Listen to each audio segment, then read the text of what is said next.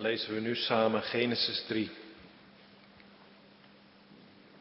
De slang nu was listiger dan al het gedierte des velds, het welk de Heere God gemaakt had. En ze zeiden tot de vrouw, is het ook dat God gezegd heeft, gij lieden zult niet eten van alle boom deze hofs?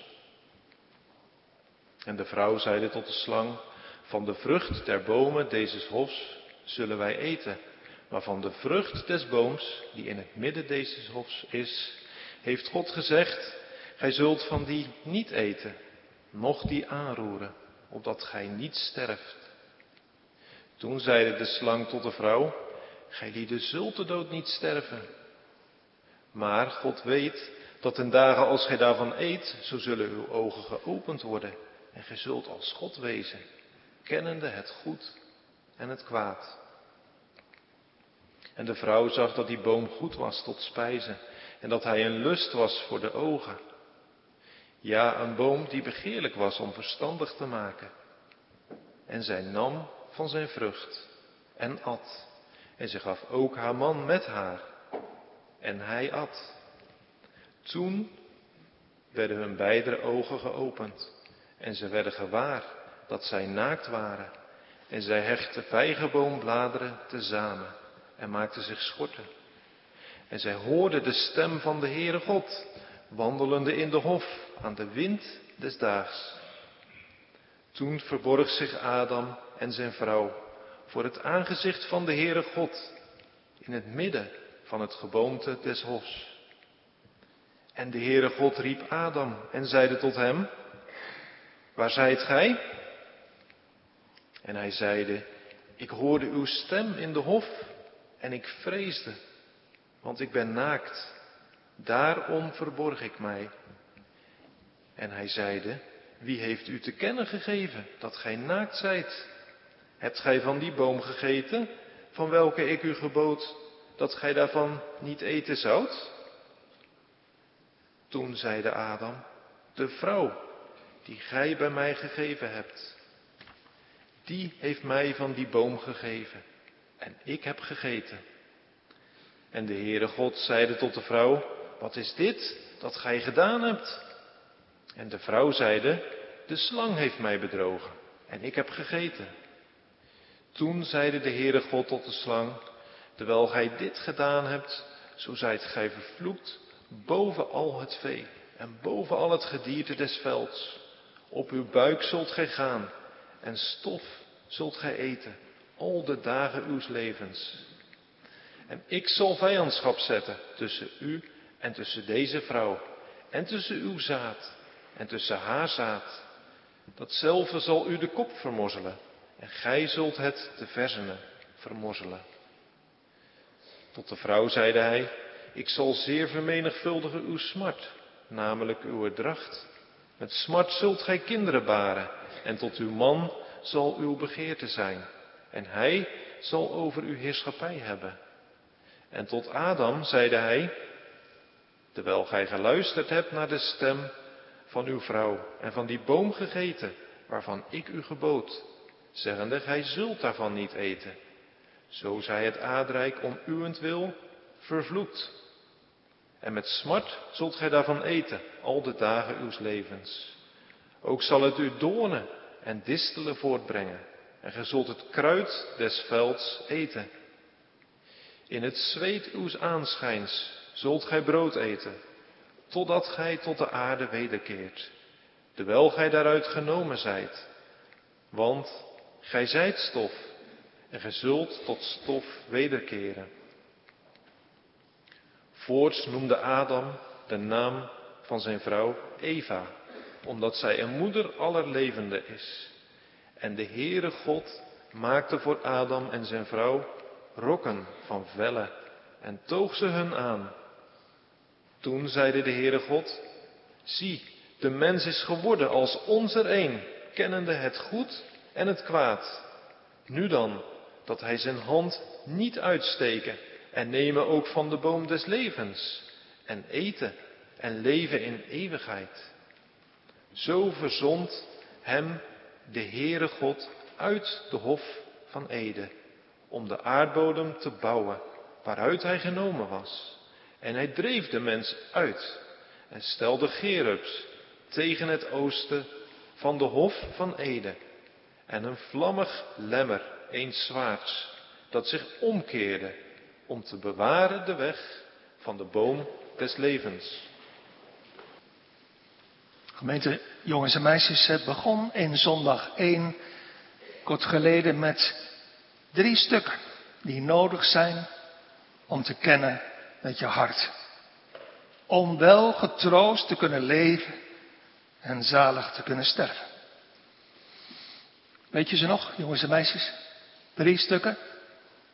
Ellende, verlossing en dankbaarheid. Daarna zijn we begonnen bij het eerste hoofdstuk. Met dat eerste hoofdstuk dat iedereen van ons moet leren kennen door het werk van de Heilige Geest in ons hart. Hoe groot mijn zonde en ellende is. Daarna vroeg de catechismus de vorige keer ook, maar waaruit kent u die ellende dan? Antwoord, uit de wet van God. Ja, maar wat vraagt, wat eist die wet dan van ons? U zult lief hebben de Heere uw God. Met geheel uw hart, met geheel uw ziel. En met geheel uw verstand en met geheel uw kracht. Dat is het eerste gebod. En het tweede aan dit gelijk is, u zult uw naaste lief hebben als uzelf. Maar, was de volgende vraag, maar doen we dat dan ook? En toen kwam, jongens en meisjes, het verdrietige, maar eerlijke antwoord. En ik hoop dat je dat echt met je hart hebt nagezegd. Doen we dat dan ook? Nee, ik. Want ik ben van nature, door mijn aard, door mijn hart, geneigd om God en mijn naaste te haten. Maar, je snapt de volgende vraag. Maar, maar hoe komt dat dan?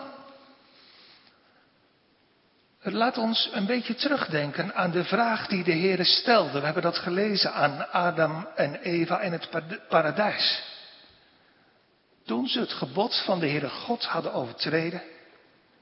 Ze hadden gegeten van die ene boom waar ze niet van mochten eten. En staat er dan in Genesis 3, ik lees een paar versen voor. En de Heere God riep Adam en zei tot hem, waar zijt gij Adam, waar zit je, waar ben je?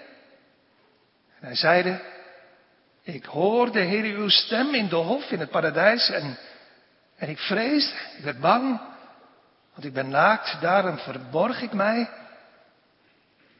En hij, de Heere, zei, Adam, hoe komt dat? Wie heeft u te kennen gegeven dat u naakt bent? Hebt u van die boom gegeten, van welke ik u gebood dat u daar niet van eten zou? En toen? Toen zei Adam, de vrouw die u bij mij gegeven heeft, hebt, die heeft mij van die boom gegeven en ik heb gegeten.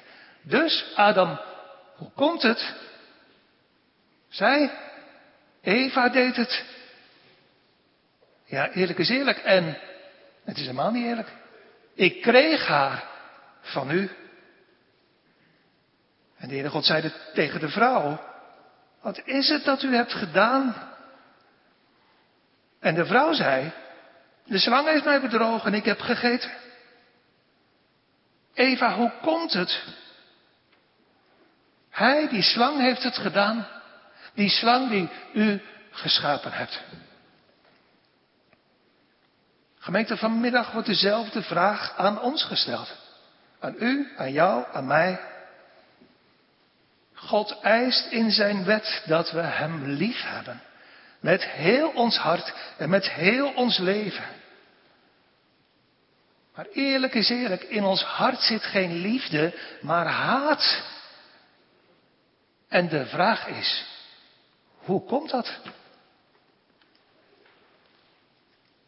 Ben je dan ook niet geneigd, net als Adam en Eva, om om je heen te kijken. Naar anderen, naar God.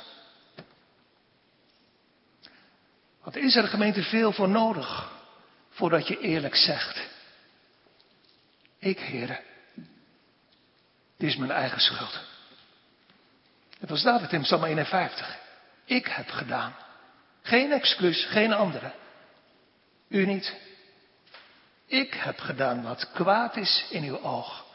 Die schuld, die hemelhoge schuld, komt door mij en door mij alleen.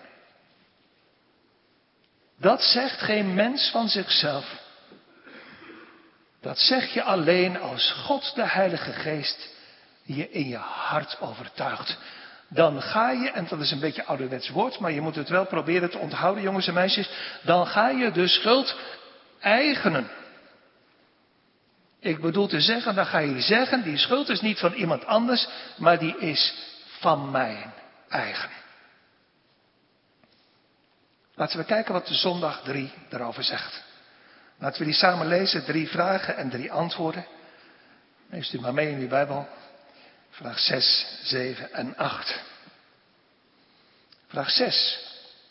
Heeft dan God de mens al zo boos en verkeerd geschapen? Met andere woorden, heeft God het misschien gedaan? Nee, hij. Absoluut niet. Maar God heeft de mens goed en naar zijn evenbeeld geschapen. Dat is in ware gerechtigheid en heiligheid. Opdat hij de mens God zijn schepper recht zou kennen. Hem van harte lief hebben. En hem in de eeuwige zaligheid met hem leven zou. Om hem te loven en te prijzen. Het antwoord zegt dus dat we goed geschapen zijn.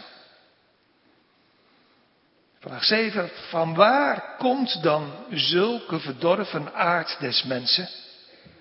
Verdorven jongens en meisjes, dat wil zeggen slecht, stuk, door en door goddeloos, verloren. Waar komt dat vandaan? Antwoord. Uit de val en de ongehoorzaamheid onze, van onze eerste voorouders, Adam en Eva in het paradijs. Waar onze natuur zo verdorven is geworden dat we allemaal in zonden ontvangen en geboren worden. Dit antwoord zegt dus dat we diep gevallen zijn. Goed geschapen, diep gevallen. Vraag 8. Maar zijn we dan zo verdorven dat we ganselijk helemaal onbekwaam zijn tot enig goed en geneigd tot alle kwaad? Ja, wij. Tenzij dan dat wij door de geest van God wederom geboren worden. Dat antwoord zegt dus dat we totaal onbekwaam zijn. Het thema voor de preek van vanmiddag is waar de Heilige Geest ons van overtuigt. Als Hij werkt in ons hart. Hier van drie dingen. Van dat we goed geschapen zijn van dat we diep gevallen zijn en van dat we totaal onbekwaam zijn. Parallel lopen drie punten aan de drie antwoorden 6, 7 en 8. Als eerste dus de Heilige Geest overtuigt van onze goede schepping. Vraag 6 zegt, heeft dan God de mens zo boos, zo zondig en slecht en verkeerd geschapen? Zijn we dan zo slecht geworden? Is het feit dat we zo slecht geworden zijn misschien omdat, omdat God dat gedaan heeft? Het feit dat we God en onze naasten niet lief hebben, maar haten, komt dat misschien, ja waar komt het vandaan? Komt het misschien van God vandaan? Je kan zeggen, jongens en meisjes, oh, oh wat een foute vraag. Maar laten we eerlijk zijn. Die vraag leeft in ons hart. Waar komt mijn slechtheid vandaan? Hoe kon het kwaad in de goede schepping van God doordringen? Die vraag heb je toch. Waar kwamen die verkeerde engelen vandaan? Waar komt het kwaad zelf vandaan? En, maar dat tekent onze slechtheid. Zo sturen we onze gedachten zonder het te zeggen naar Hem die er in de beginnen alleen was, naar God. Dat soort dingen kan je zelf denken. Je kan ze ook zomaar tegenkomen op je werk, op je studie, in boeken die je leest. Vragen als, wat, wat is de oorsprong nou van het kwaad? Wie is daar ooit mee begonnen? Of was het er altijd al? Of gedachten en ideeën in allerlei vormen en soorten die allemaal één doel hebben, namelijk me afleiden van mijn eigen schuld. Hoe je die vraag moet beantwoorden als iemand die aan je stelt, nou gewoon eerlijk. Waar komt het kwaad vandaan? Dat weet ik niet. Het staat niet in de Bijbel. Maar het komt niet uit God. En wat ik wel weet is dat wij mensen in dat kwaad zijn meegegaan. Trouwens, gemeente, voed ook uw gedachten niet met dit soort duivelse vragen door, door je daar op allerlei manieren in te verdiepen, door allerlei boeken daarover te lezen, want daar is letterlijk nog nooit iemand wijzer van geworden. Zoek nou biddend de wijsheid die de Heilige Geest ons wil leren. En welke is dat? Deze wijsheid van God. Dat Hij ons goed geschapen heeft naar zijn beeld.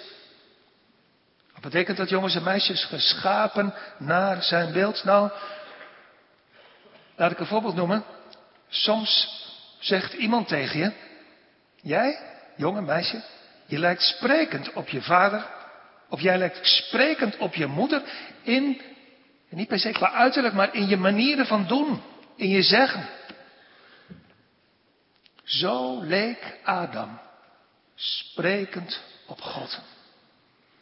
De Bijbel noemt hem ook letterlijk in Lucas 3 de zoon van God. Hij straalde in het paradijs iets uit van God. Als je Adam gezien had, dan zag je iets van, van wie God is. En van hoe God is. De catechisme zegt het zo. God heeft de mens goed en naar zijn, dan komt die uitdrukking, naar zijn beeld geschapen. Wat wil dat zeggen? Dat is in ware gerechtigheid en heiligheid. Opdat wij God zijn schepper recht kennen, hem van harte lief hebben en met hem in de eeuwige zaligheid leven zou, om hem, om God te loven en te prijzen. Dus Adam was geschapen naar het beeld van God. Zo was hij voor de zonde. Hij had, staat er, staat in de Bijbel, hij had gerechtigheid.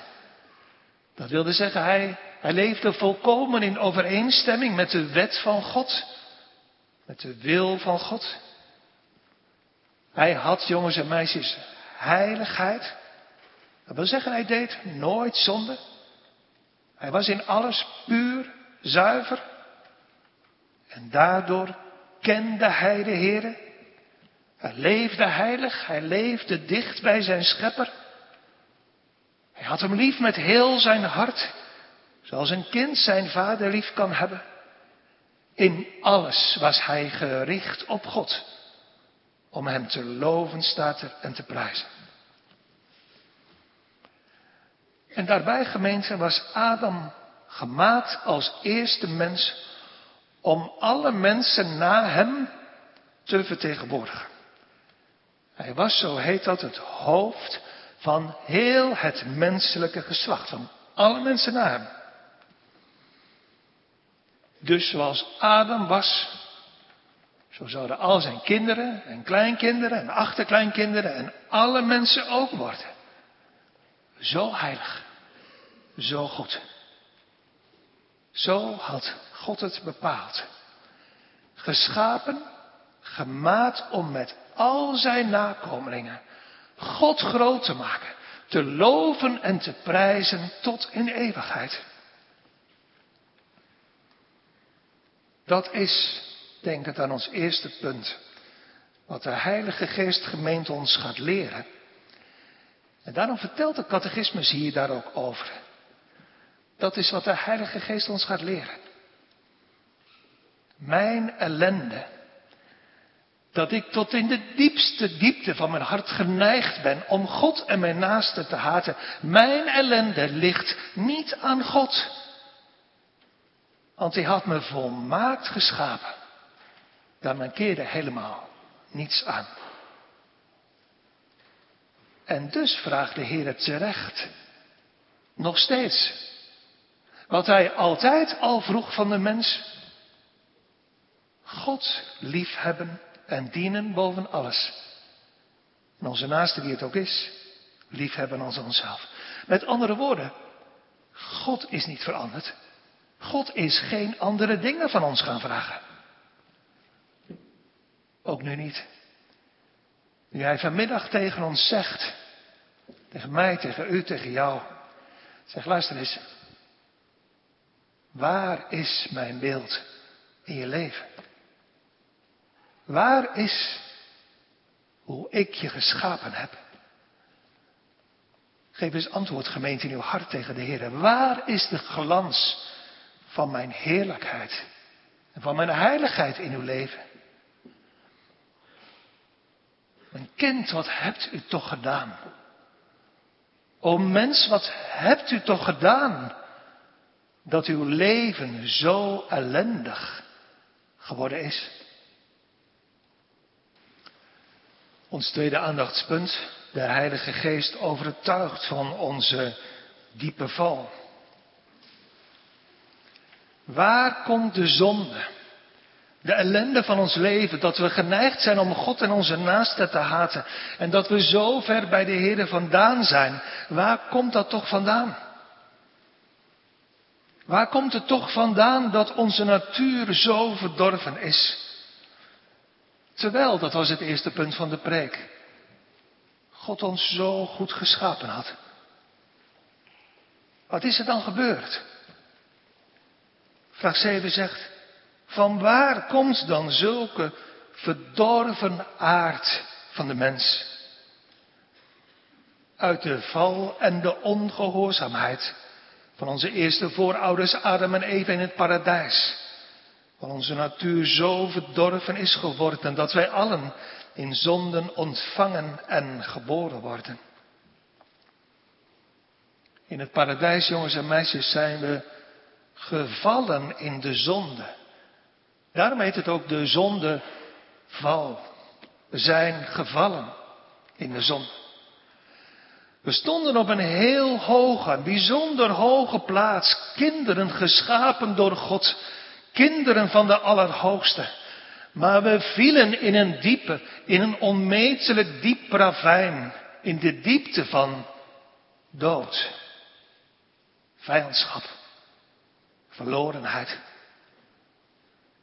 Paulus zegt, door één mens is de zonde in de wereld gekomen. En door de zonde de dood. En sindsdien bestaat ons leven niet meer uit het dienen en liefhebben van God, uit Hem loven en prijzen, maar uit, Paulus zegt op een andere plaats, uit dood zijn door de misdaden en de zonden. En dat alles, dat hebben we gelezen uit Genesis 3, begon met die ene misdaad in het paradijs, waar we tegen God zijn opgestaan. We zijn ongehoorzaam geweest. We zijn tegen God opgestaan. We wilden als God zijn. Dat was onze zon. En we hebben niet gedaan wat de Heer in liefde van ons vroeg. De Heere God had immers gezegd, Adam, Eva, van alle bomen hier in de hof, in het paradijs mag je eten, behalve van die ene boom, die in het midden van de hof staat, de boom van kennis van goed en kwaad. Maar ze waren ongehoorzaam. Onze eerste moeder Eva luisterde naar de slang.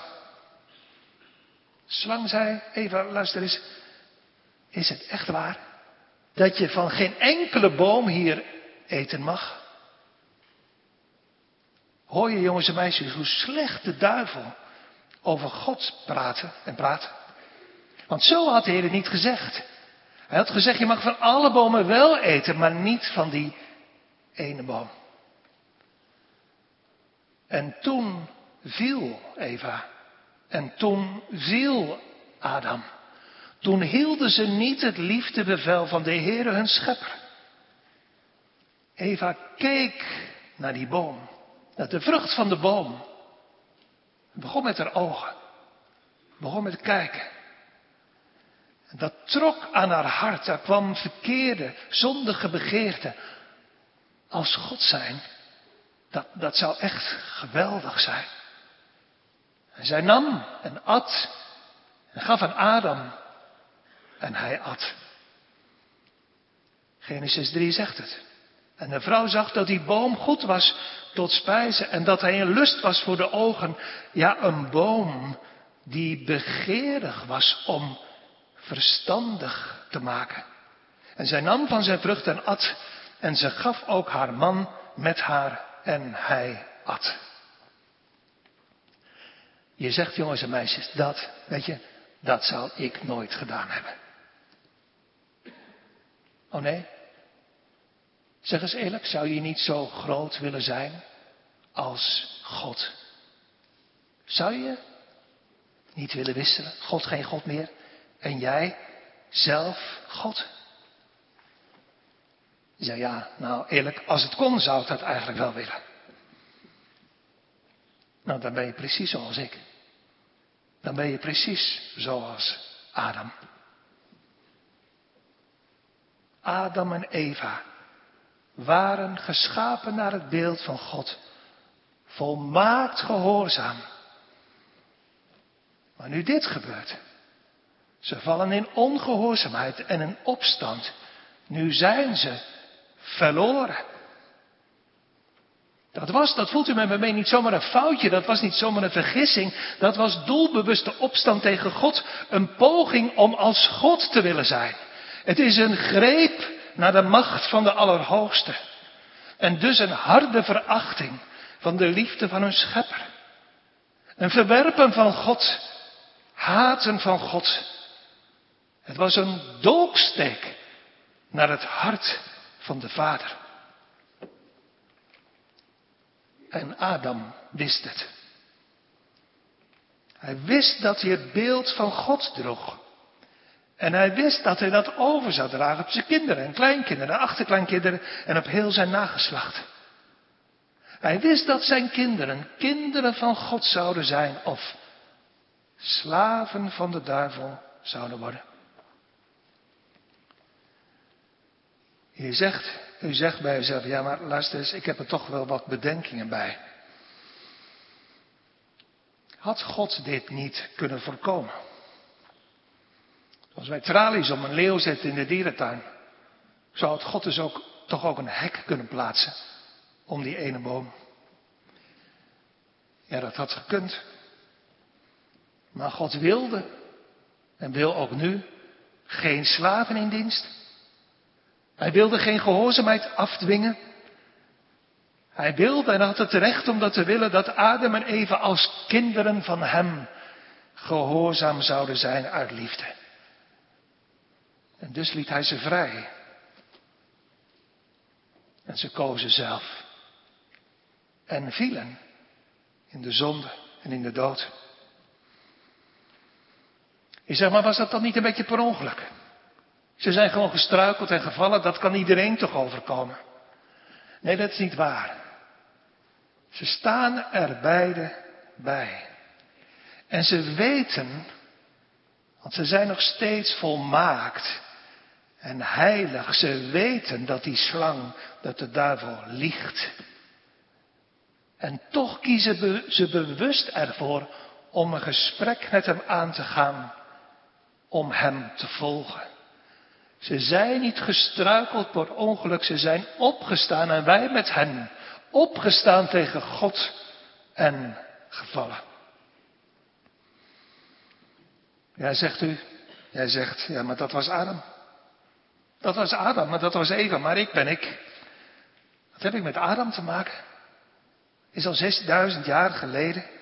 De Bijbel zegt toch dat iedereen verantwoordelijk is voor zijn eigen handelen, voor zijn eigen daden. Maar de catechismus zegt niet voor niets. Onze eerste voorouders. Dat betekent meer dan dat het verre familie van ons is.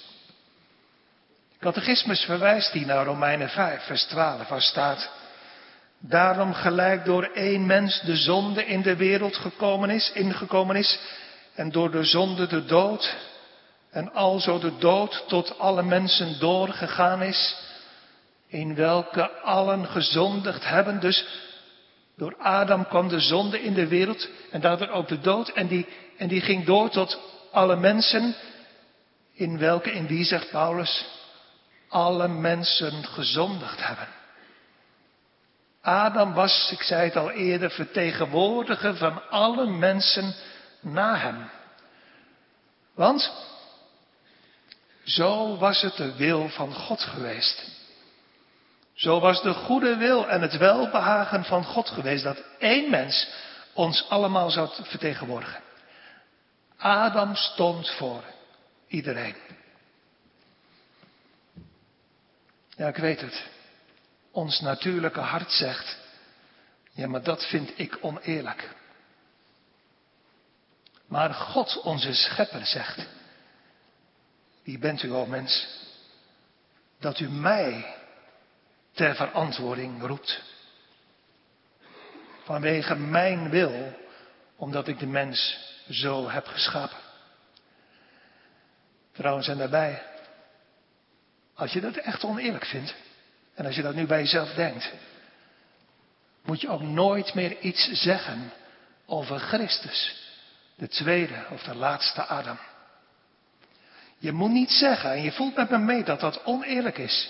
Ik wil niet de vloek toegerekend krijgen van de eerste Adam, maar wel de zegen en de genade en de verdiensten van de laatste Adam, Jezus Christus. Wees eerlijk. Doe dan alles zelf maar. Zondig voor je eigen rekening. En betaal ook zelf je eigen schulden. Die neiging om God de schuld te geven, zit in ons bloed. Dat zit in onze aard, in onze verdorven natuur. Daar voel je ook iets in, of heel veel in, van vijandschap tegen God. Als de Heilige Geest ons aan onze zonde ontdekt, als de Heer ons hart levend maakt en verandert, dan, niet waar, is dat een van de eerste dingen die je niet meer doet. God de schuld geven. Dan leer je zien en erkennen en beleiden. Heren, ik heb gedaan wat kwaad is in uw oog. Het is mijn schuld. Zijn zonde, Adams zonde, was ook mijn zonde. En in hem, in Adam, heb ik mezelf persoonlijk van u losgerukt. En al het goede wat ik had, ben ik daardoor kwijtgeraakt. Tegen u, heren, tegen u alleen heb ik gezondigd. En daarom ben ik in ongerechtigheid geboren. En daarom heeft mijn lieve moeder mij in zonde ontvangen. Catechisme zegt het ook. In het paradijs is onze natuur zo verdorven geworden dat we allemaal in zonden ontvangen en geboren worden.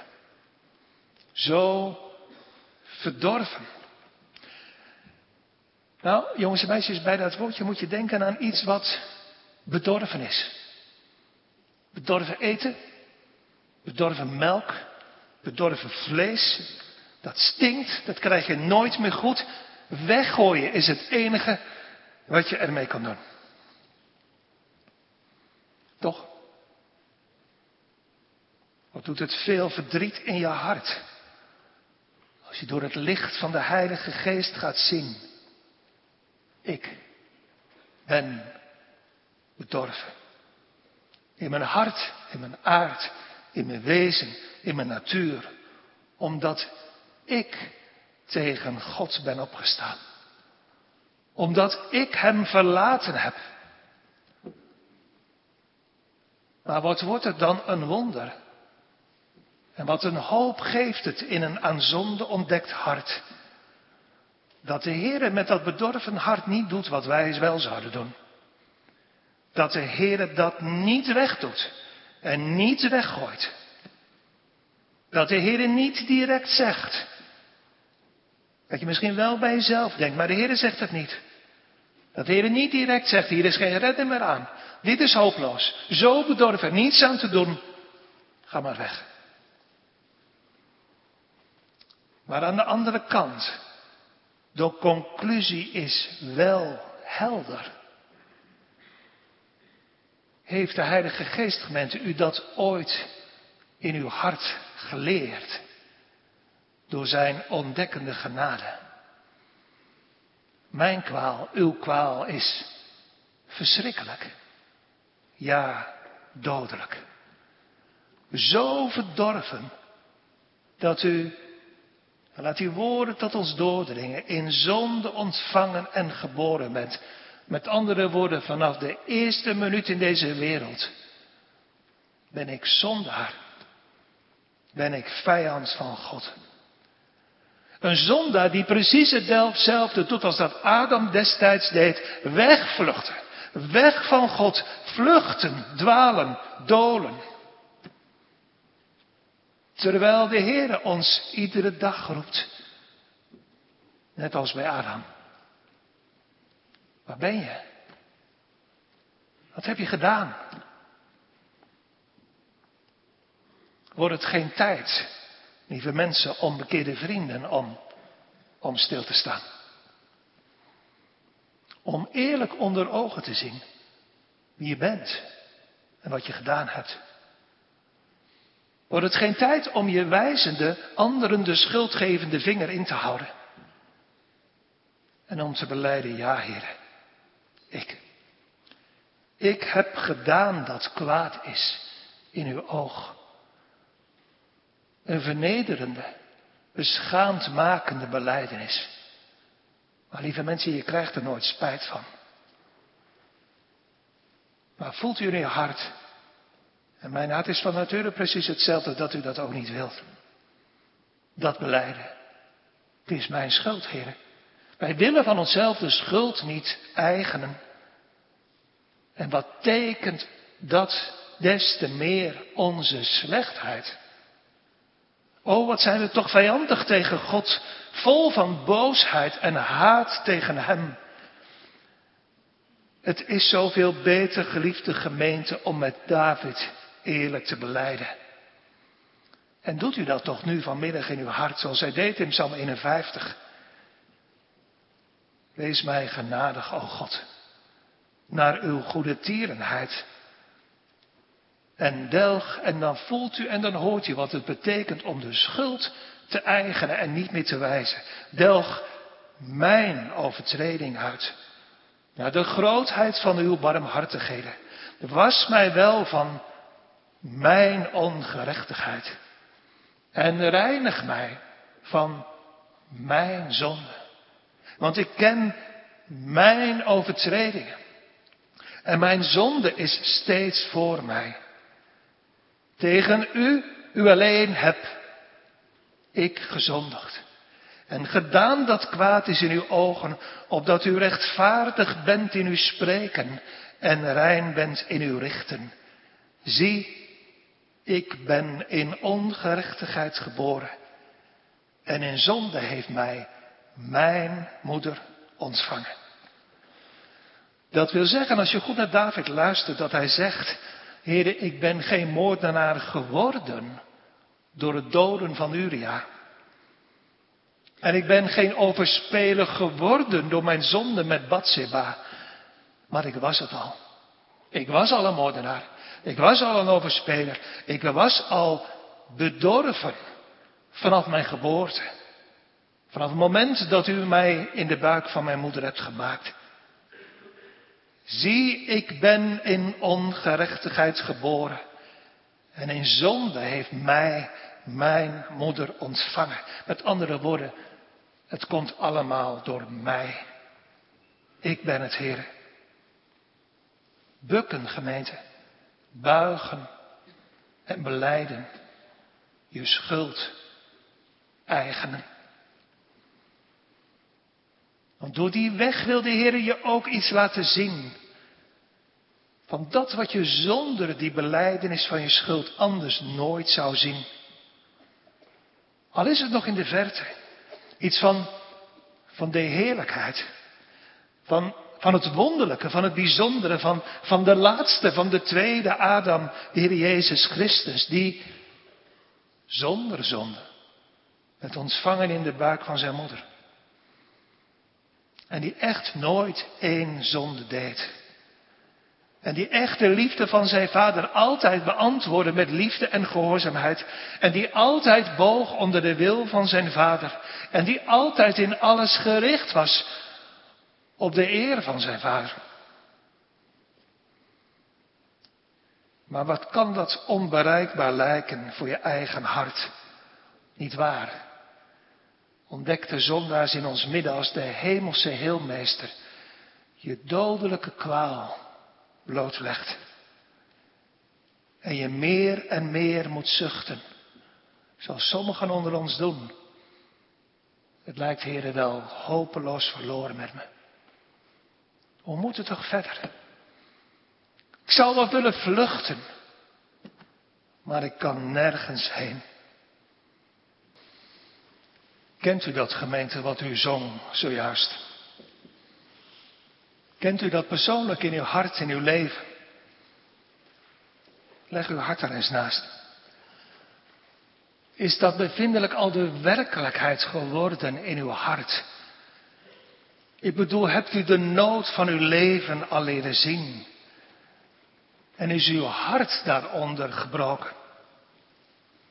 Kent u iets van de diepe berouw om zoveel zonden die Gods hoogheid schonden? En heb je iets in je leven leren kennen van de diepe oorsprong daarvan? Hoe zal Christus anders waarde, ooit enige waarde in je leven krijgen als je niet iets weet van hoe groot je zonde en ellende is? Dan zal je Christus ook nooit gaan zoeken. Ons derde punt. De Heilige Geest overtuigt van onze totale onbekwaamheid. Vraag 8 zegt maar, maar zijn we dan zo verdorven? Is het echt zo erg? Dat we ganselijk helemaal onbekwaam zijn tot enig goed en geneigd tot alle kwaad? Antwoord, ruiterlijk toegegeven, ja wij. Tenzij dan dat wij door de geest Gods wedergeboren worden. Is het echt, dat is de vraag, is het echt zo hopeloos met ons? Ben ik zo slecht dat ik nooit meer iets goeds kan doen? Helemaal onbekwaam, niet in staat tot iets goeds en geneigd tot alle kwaad. Is het zo erg met ons? Is er dan niemand die goed doet? Is er niemand goed van zichzelf? Zijn er dan, misschien vraagt u zich dat u zelf af, zijn er dan geen goede mensen, zoals we die zo noemen? Levende, hartelijke, zorgende mensen? Trouwens ook onder degenen die de Heer niet dienen? Voorbeelden van menslievendheid? Kan zichzelf opofferen ter wille van armen of anderen? Misschien is dit wel iemand die je kent, waar je nu aan denkt, een collega of een vriend of een vriendin. Ja, ik snap het, die mensen kennen we allemaal. Of persoonlijk of uit een boek. Mensen die door Gods algemene genade door de Heer tegengehouden worden, waardoor het kwaad dat ook in hun harten woont en niet uitkomt. De leeuw, denk maar terug aan vorige week, de leeuw zit achter de tralies. Maar zeg nu eerlijk, Ken je mensen, in het echt of uit een boek, die uit zichzelf God lief hebben, boven alles, altijd in alle dingen, en die al Gods geboden altijd doen met al de liefde van hun hart, en die ook alle naasten lief hebben als zichzelf?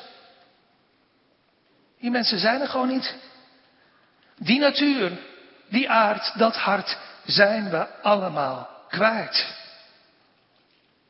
Onze natuur, en dat geldt ons allemaal en iedereen, is totaal verdorven.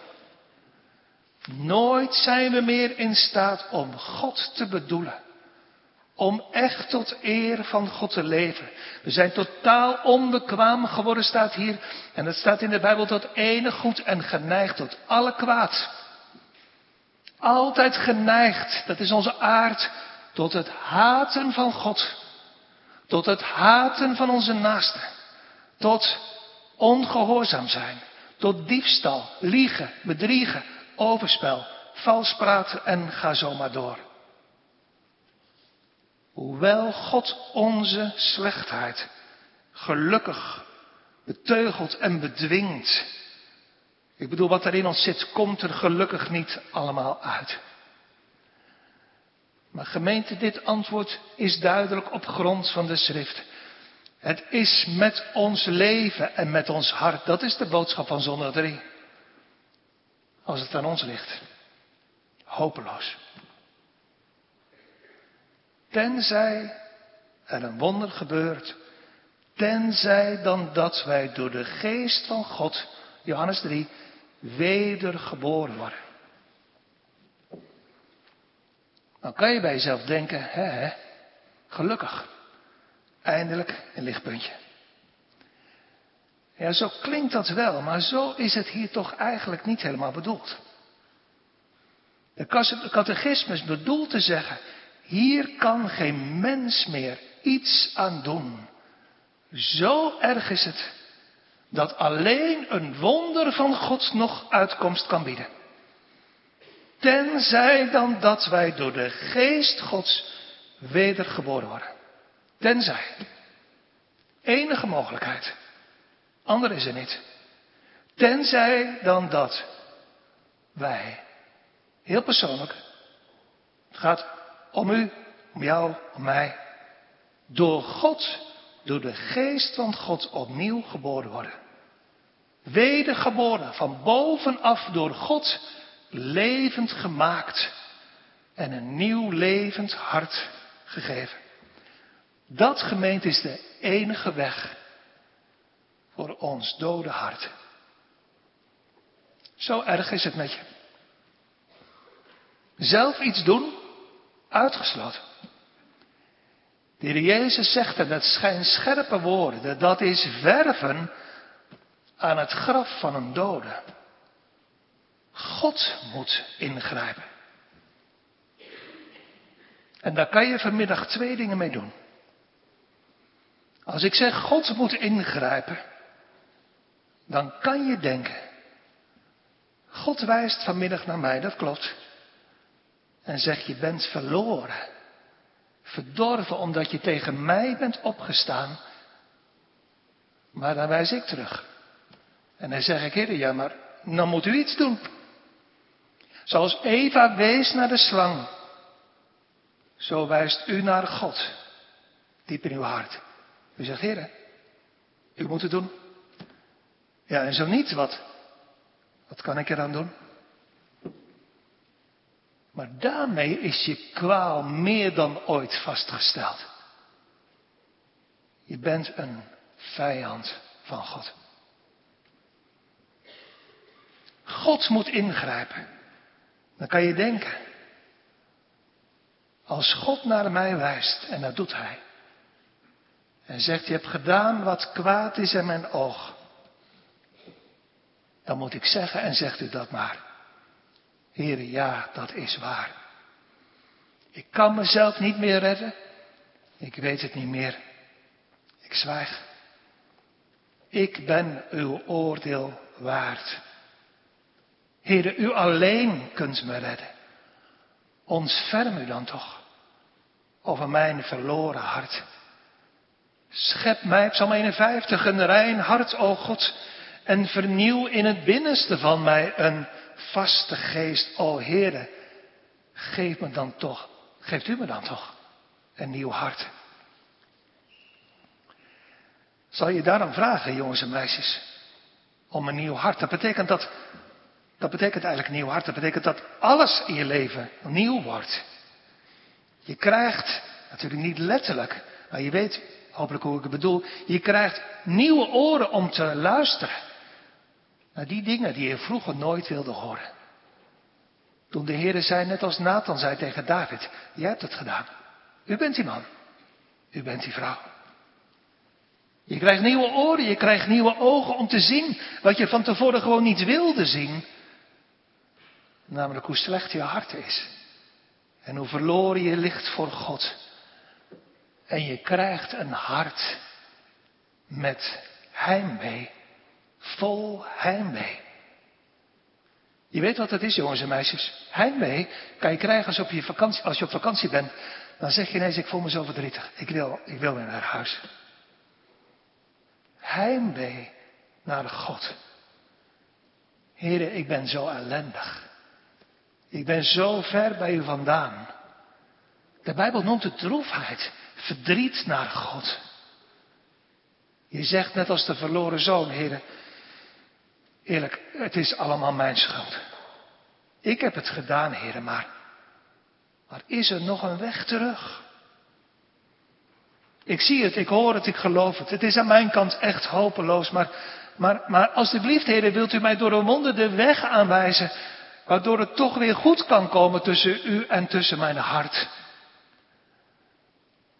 Wat een wonder is het, jongens en meisjes, als de Heer dat dan gaat doen.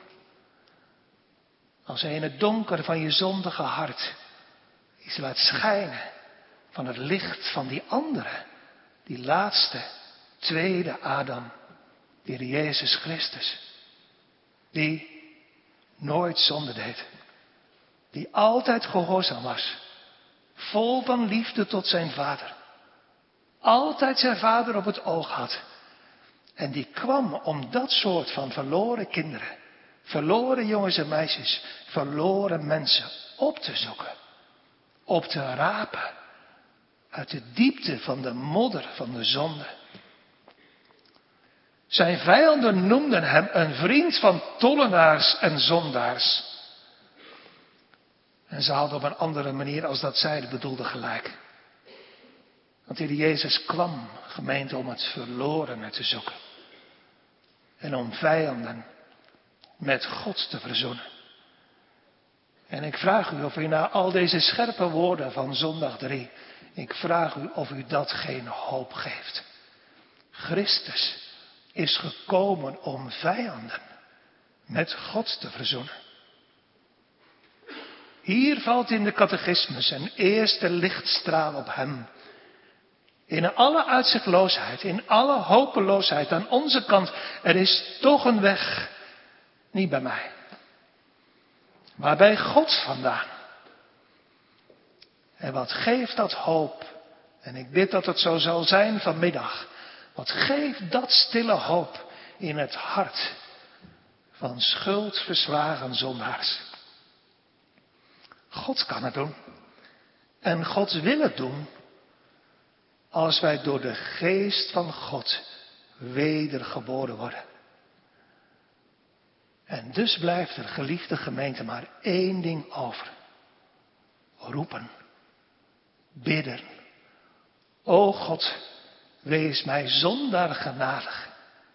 Ik heb gehoord, heren, dat het nog kan. En dat er zelfs voor mij, vijand van u, een mogelijkheid is om zalig te worden. Een weg tot verlossing. Heren, schep mij dan een rein hart. En verwerp mij niet, o Heer. Jongens en meisjes, bid dat maar. Heren, alstublieft geef me een heel nieuw hart. Om Jezus wil. Amen.